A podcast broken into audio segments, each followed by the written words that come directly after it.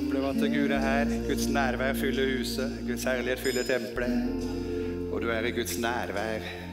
Den hellige ånd er over deg. Den hellige ånd som er Guds ånd. Godhetens ånd, nådens ånd, bønnens ånd. Den ånd som herliggjør Jesus. Han er her, der hvor du sitter. Nydelig. Godt å kjenne Guds nærvær. Takk til dere sangere og musikere, lovsangere. Dere er bare gode. gode. Det er så nydelig. Sterkt å få lov til å lovsynge Jesus sammen med dere. Tusen takk. Skal vi gi dem en stor applaus? Det er fantastisk å ha sånne folk.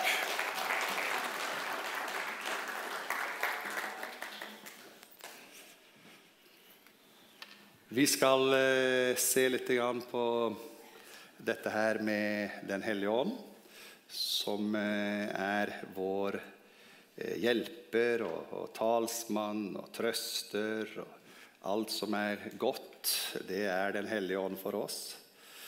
Og eh, Vi skal eh, se litt i dag på Den hellige ånd dynamisk liv. Dynamisk liv, det er nærliggende eh, når vi snakker om Den hellige ånd, at det har noe med dynamikk å gjøre. Det er dynamisk liv. Jeg vet ikke om dere ser han eh, surferen? Ser dere han? Ja. Ser dere bølgen? Ja. I eh, moderne kirkehistorie så snakker vi om tre bølger som har med Den hellige ånd å gjøre. Eh, den klassiske pinsevekkelsen i begynnelsen av 1900-tallet, 1900, og med det klassiske eh, den hellige ånd som ble utøst i Asusa Street i 1906, det blir av kirkehistorikere kalt den første bølgen. Og Så kom eh, en ny bølge på slutten av 50- og 60-tallet inn i de store, klassiske, historiske kirkene. Enten det var den katolske kirke, eller den lutherske kirke, eller den presbyterianske kirke, eller metodistkirker eller andre kirker, som var liksom de historiske, klassiske kirkene, så kom det en bølge av Den hellige ånd inn der. Så faktisk i dag så snakker kirkehistorikere om 200 millioner katolikker som tilber og priser Gud i nye tunger. Så det blir kalt for den andre bølgen. Og så har vi den tredje bølgen. Det er den karismatiske vekkelsen som kom eh, på 80-90-tallet. Er det noen som har hørt om Vinyard? Ja. Eh, det er eh, et klassisk eh, uttrykk for, for, den tredje bølgen.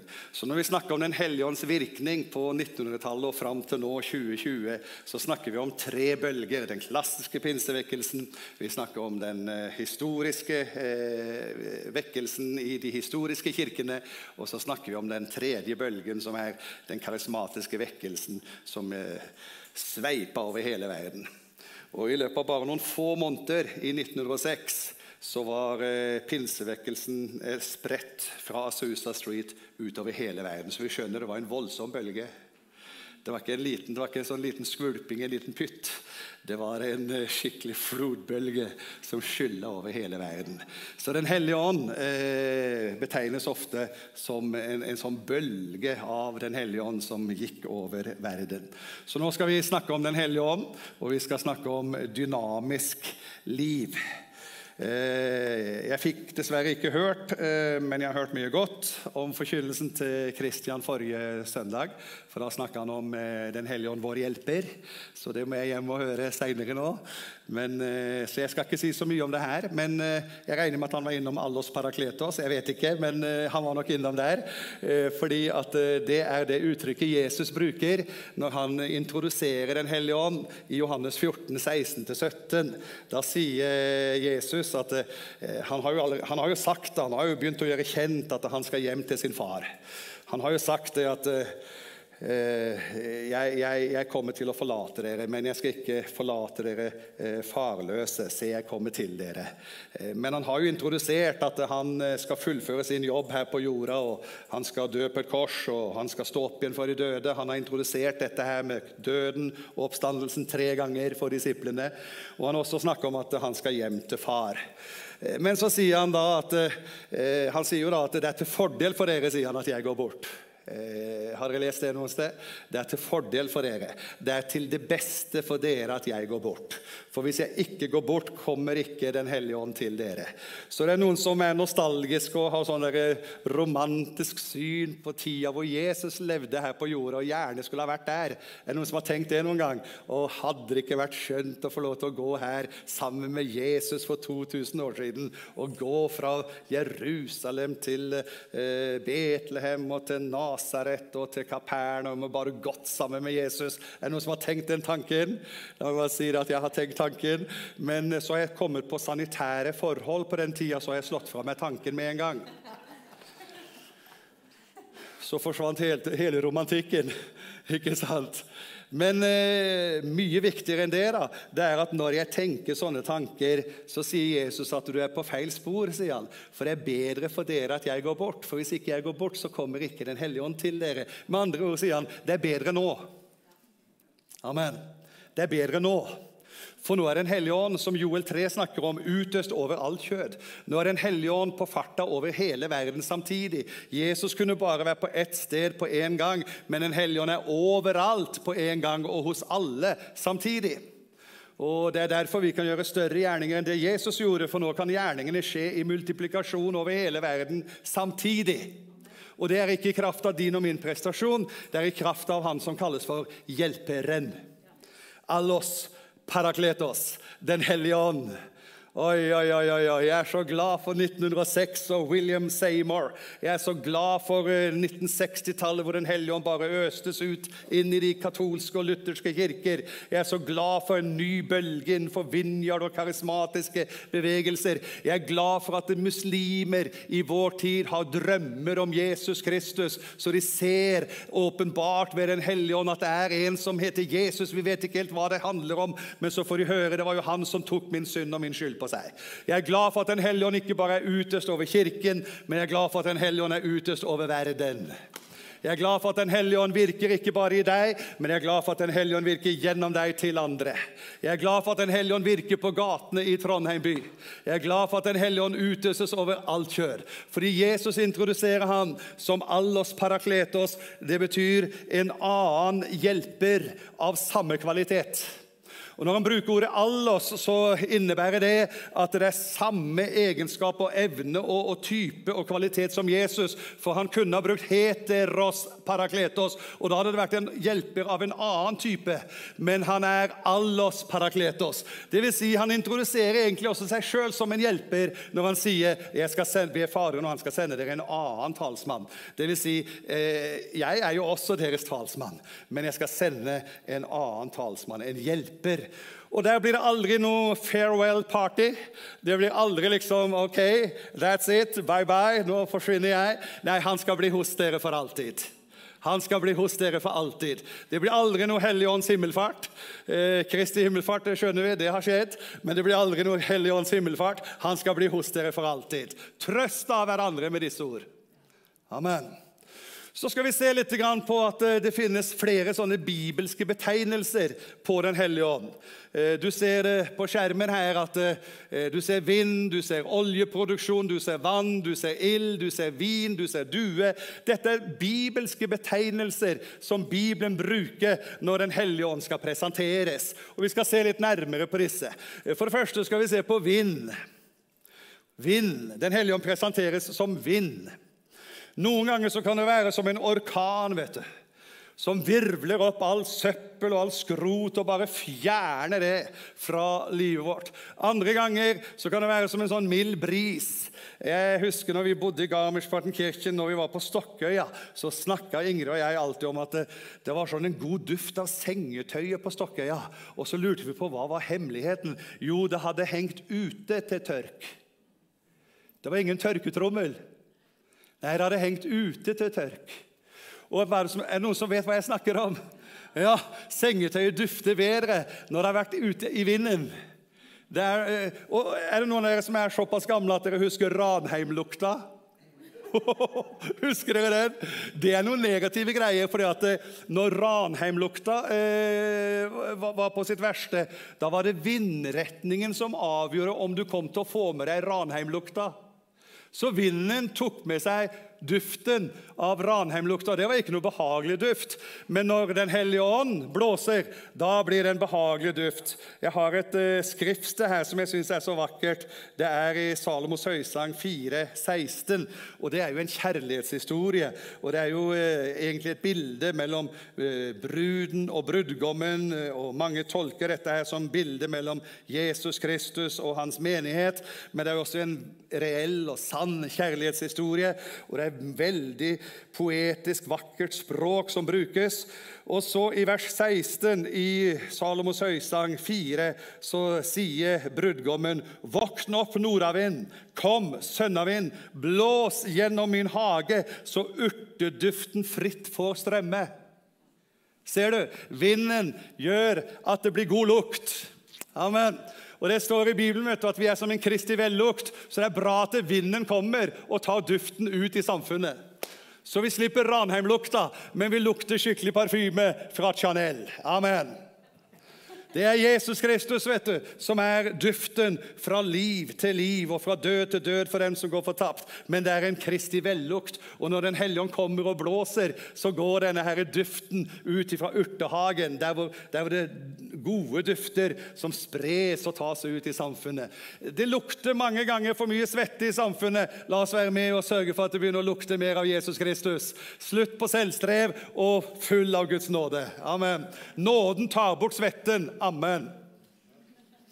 Selvstrevet bringer svettelukt. Selvrettferdighet, religiøsitet. Men eh, Den hellige ånds vind han tar bort all den der fæle lukta, og så blir det som sengetøyet på Stokkøya. Det dufter godt. Så vi praktiserer det vi nå på sommeren. da. At vi, når været tillater det, da Får gjenta det, da. Når været tillater det så henger vi opp tøyet ute. Jeg sier vi, for da er jeg ett med Ingrid.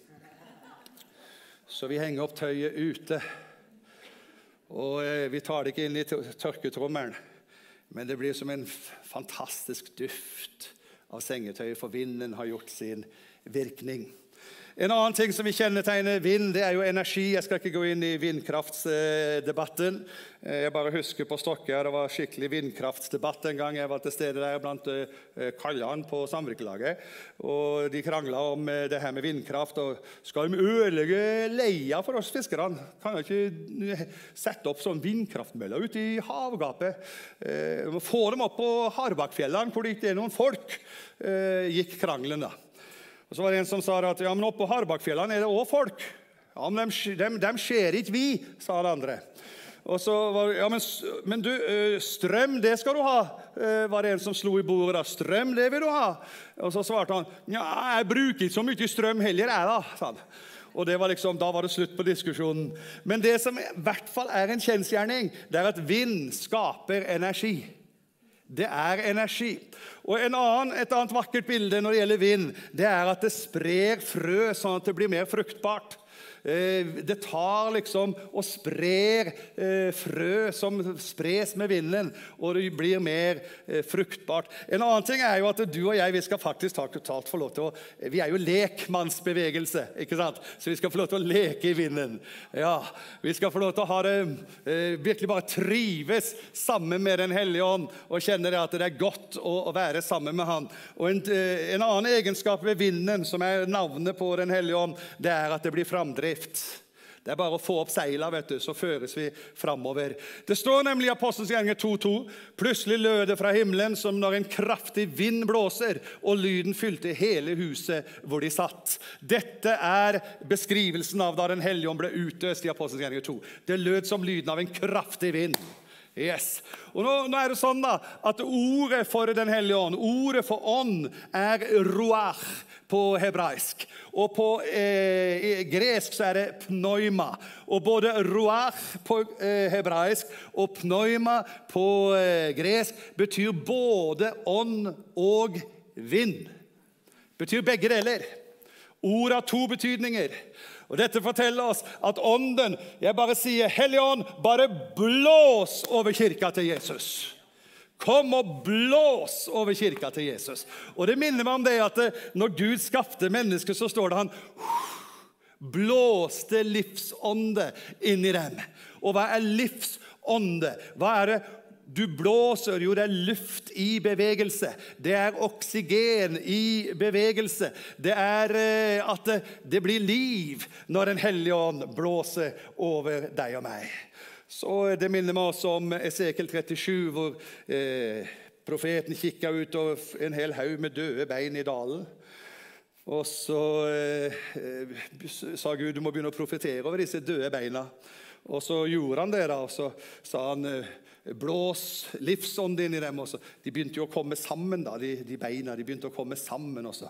Det så jo håpløst ut. Døde bein i dalen. ikke sant? Det er ikke mye liv der. Eh, men han ba liksom og profeterte over dem. Kom sammen. Så begynte de å bevege seg, begynte å buldre og brake. og liksom Beina begynte å bevege seg og komme sammen. og det ble liksom, De kom på plass. Så, så, så står det, at det, eh, det, var som en veldig hær, men, men, det var jo noe som mangla hvis de ikke lever. Så han måtte profetere vind inn i dem.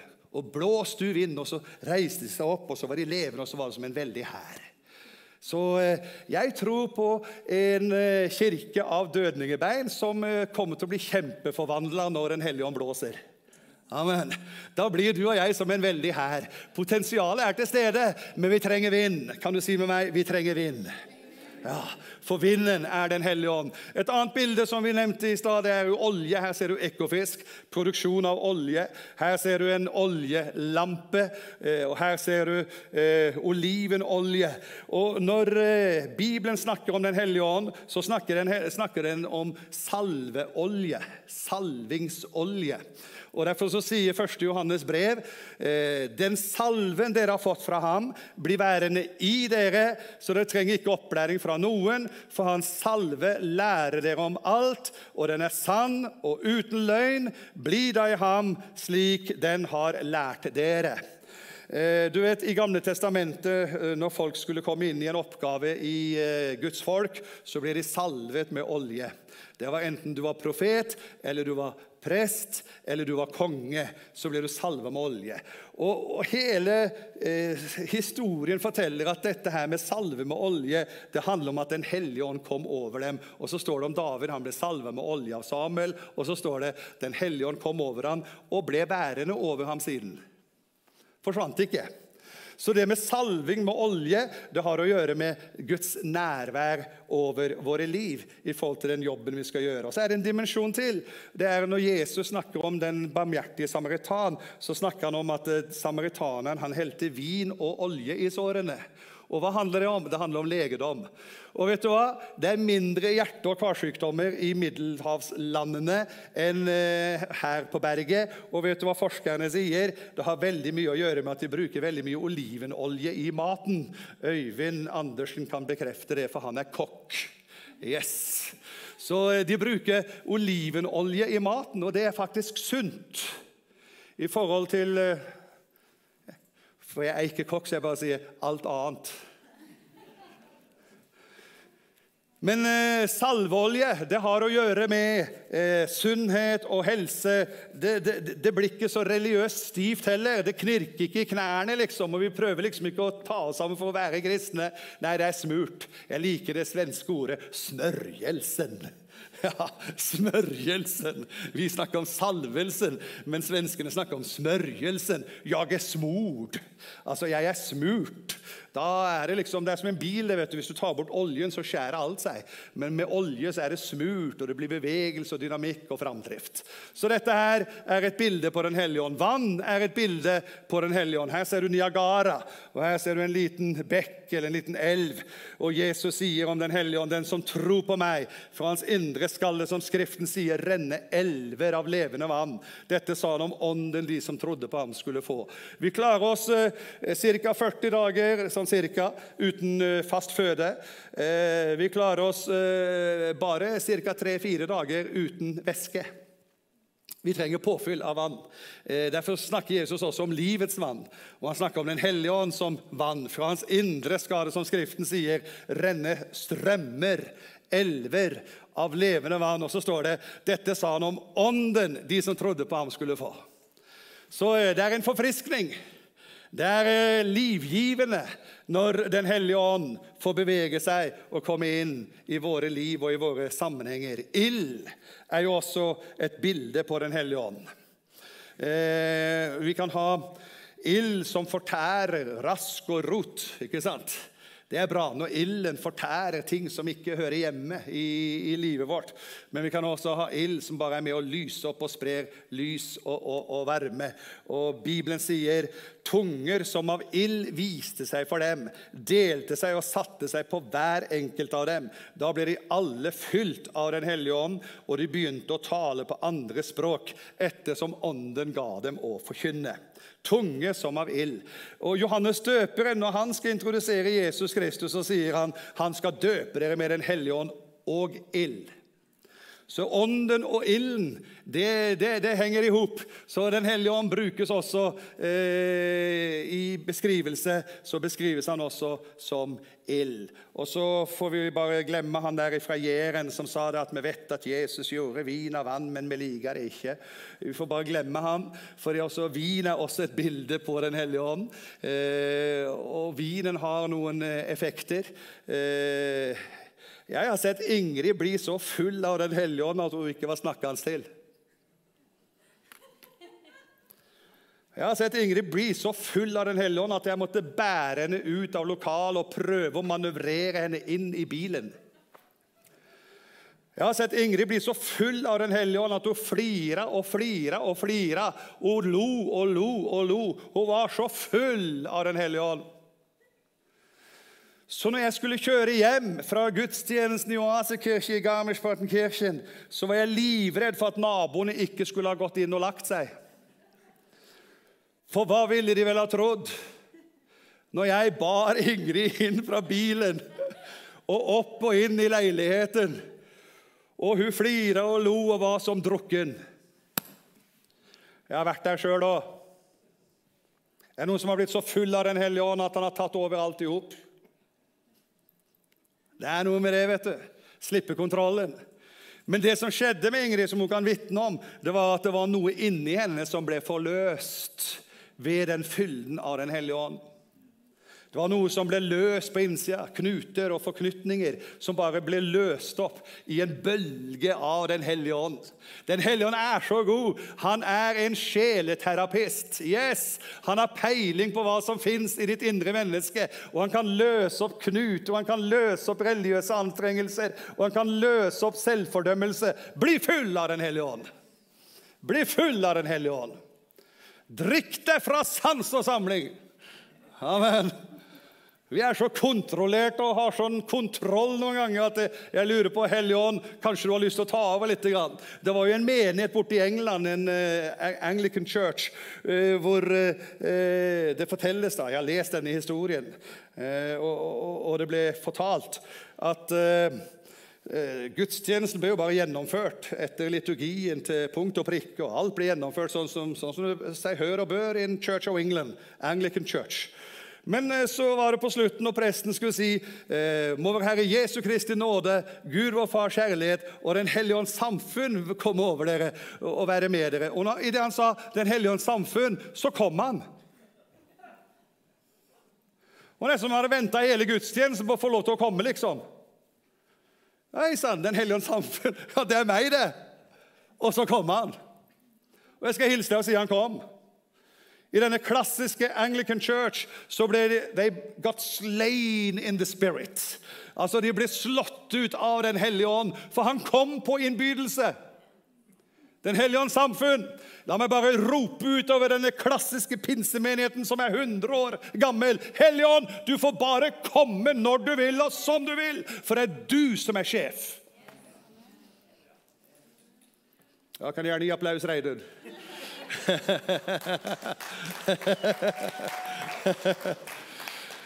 Du skjønner det at det er mer farlig uten Den hellige ånd enn med Han. Det er ikke farlig å slippe Han til. Så eh, det står, vet du da de ble fylt av Den hellige ånd, så ligna det så veldig på å være full, så noen gjorde narr av dem og sa de har drukket seg fulle på søt vin. Og så måtte jo Peter begynne å forklare. da. Nei, det er ikke akkurat det. da. Eh, det er noe som ligner, men det er noe annet. Ja. Det fører ikke til utskeielse, det her. Det fører til uh, nøkternhet og, og sannhet. Og, og, så det, her, det, er ikke, det, er ikke, en farlig rus med Monday Morning Blue. La meg bare si Det også, det å bli full av Den hellige ånd, det blir ingen blåmandag. Det blir ingen bakrus. Det blir ingen hangover når du blir full av Den hellige ånd. Det blir ikke skallebank. Du kommer til å bare kjenne det at det er gleden og freden og kjærligheten som Den hellige ånd har i sin personlighet. Du kommer til å bare kjenne Du er i flytsonen med ditt liv. Yes, Og så betegnes Den hellige ånd som en due.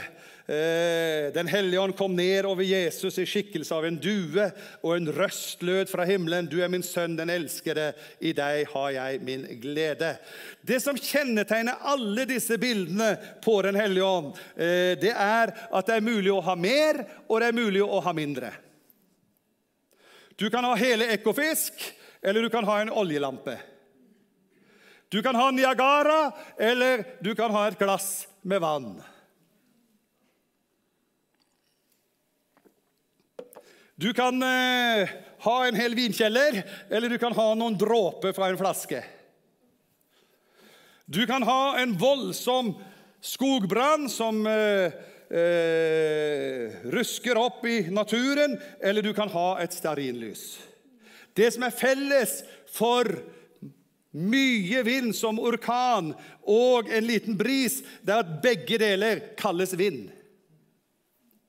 Det som er felles for eh, Ekofisk og en oljelampe, det er at begge deler kalles olje. Det som er felles for eh, Niagara og et glass med vann, det er at begge deler kalles vann. Det som er felles for eh, skikkelig skogbrann og et stearinlys, begge deler kalles flamme. Det som er felles for vinkjeller og en flaske vin, begge deler kalles vin. Og så er det spørsmål kan du ha mer eller mindre due.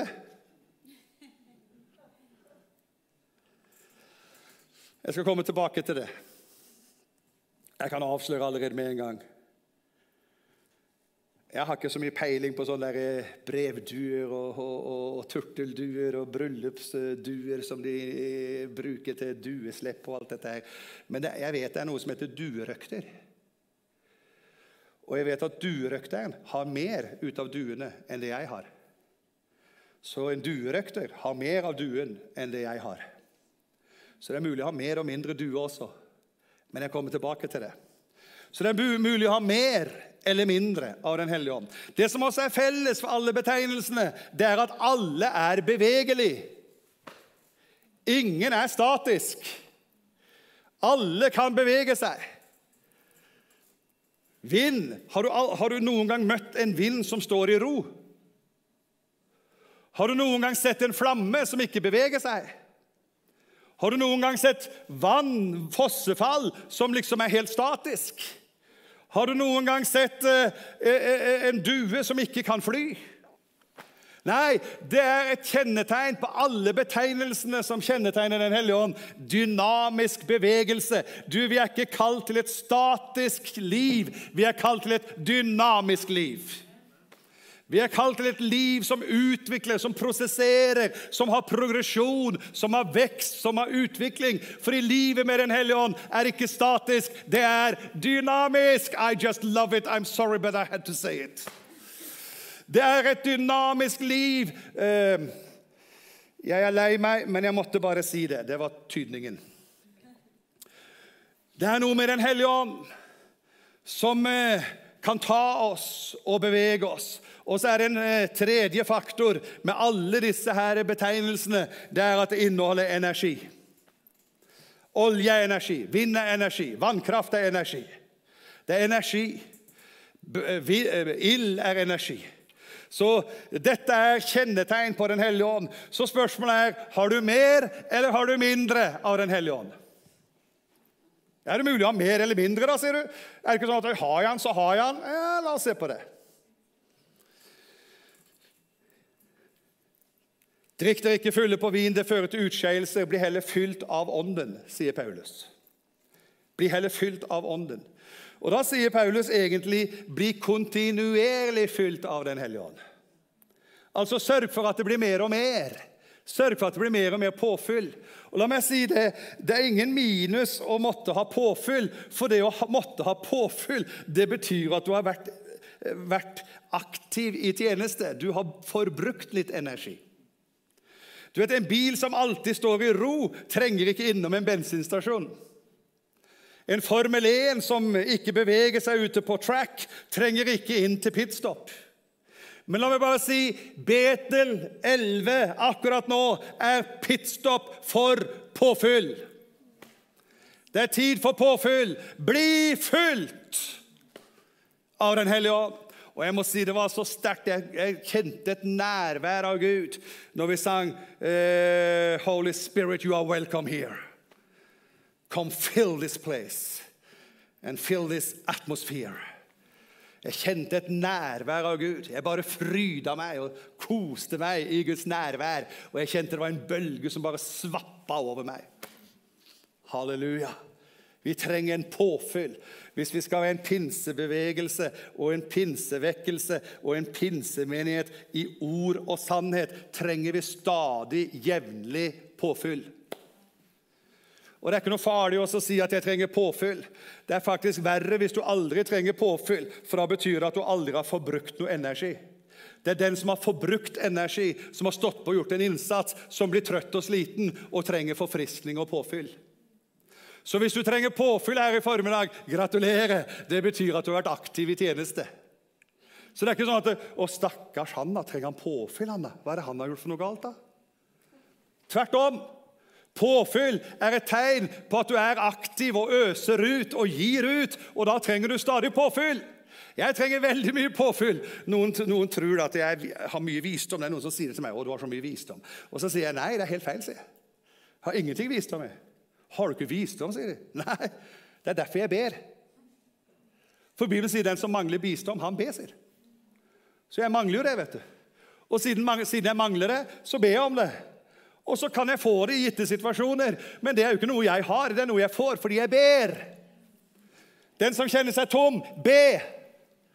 Den som kjenner på tomhet og på slitenhet og utmattelse, be. Bli fylt av Den hellige ånd. Det er energi, det er dynamikk. Det er liv. Det er begeistring. Come on, folks. Det er et presensimperativ. imperativ når det står 'bli fylt av Ånden'. Det er altså et stadig påfyll av Den hellige ånd. Bli kontinuerlig fylt. Og Da kommer jeg til spørsmålet er det mulig å ha, er det ikke sånn at når vi har Den hellige ånd, så har vi han? Er det mulig å ha mer av Den hellige ånd og mindre av Den hellige ånd? Er det mulig å ha mer og mindre av en person? La meg løse det veldig enkelt og bruke et veldig enkelt, nærliggende eksempel. Det er ingen i denne forsamlingen og det er ingen på YouTube som har mer av Ingrid enn det jeg har. Og hun er per definisjon en person. Juhu. Juhu.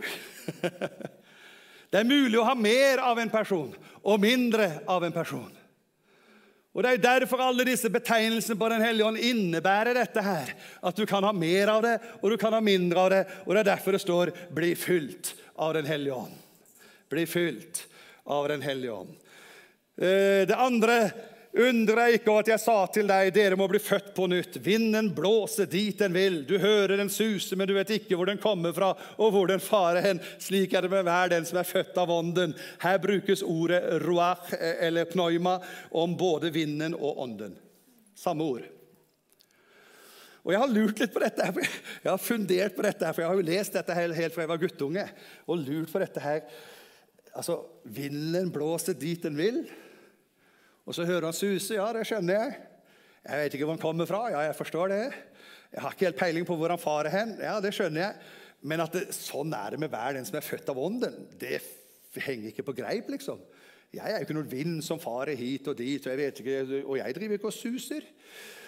Og, og, jeg vet jo hvor jeg kommer fra, og jeg vet hvor jeg skal hen. Så jeg har fundert på dette her, jeg vet, og lurt på hva i all verden betyr det. Slik er det med hver den som er født av vinden. Helt til lyset ble skrudd på. Og, og, og, og da landa jeg på det. Frank Erlandsen, du må bli tatt av vinden. Amen. Og hør, det fins ikke et menneske på denne jord som kan bestemme vindretningen. Men vakuum skaper vind. Så vi må bli tatt av vinden. Og Det fins faktisk en film som heter eh, 'Gone with the Wind'. Tatt av vinden.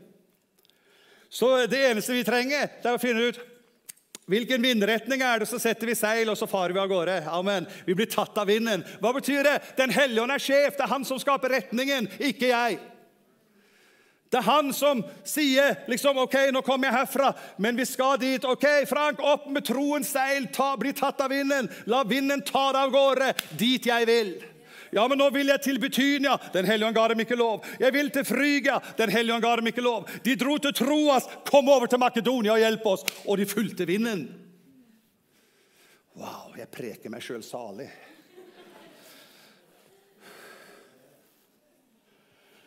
Energi. Dere skal få kraft når Den hellige ånd kommer over dere. Og da skjer det noen ting. Vi trenger kraft for å gjøre en jobb. Noen ganger når du våkner om morgenen, så tenker du kunne jeg bare få ligge litt lenger.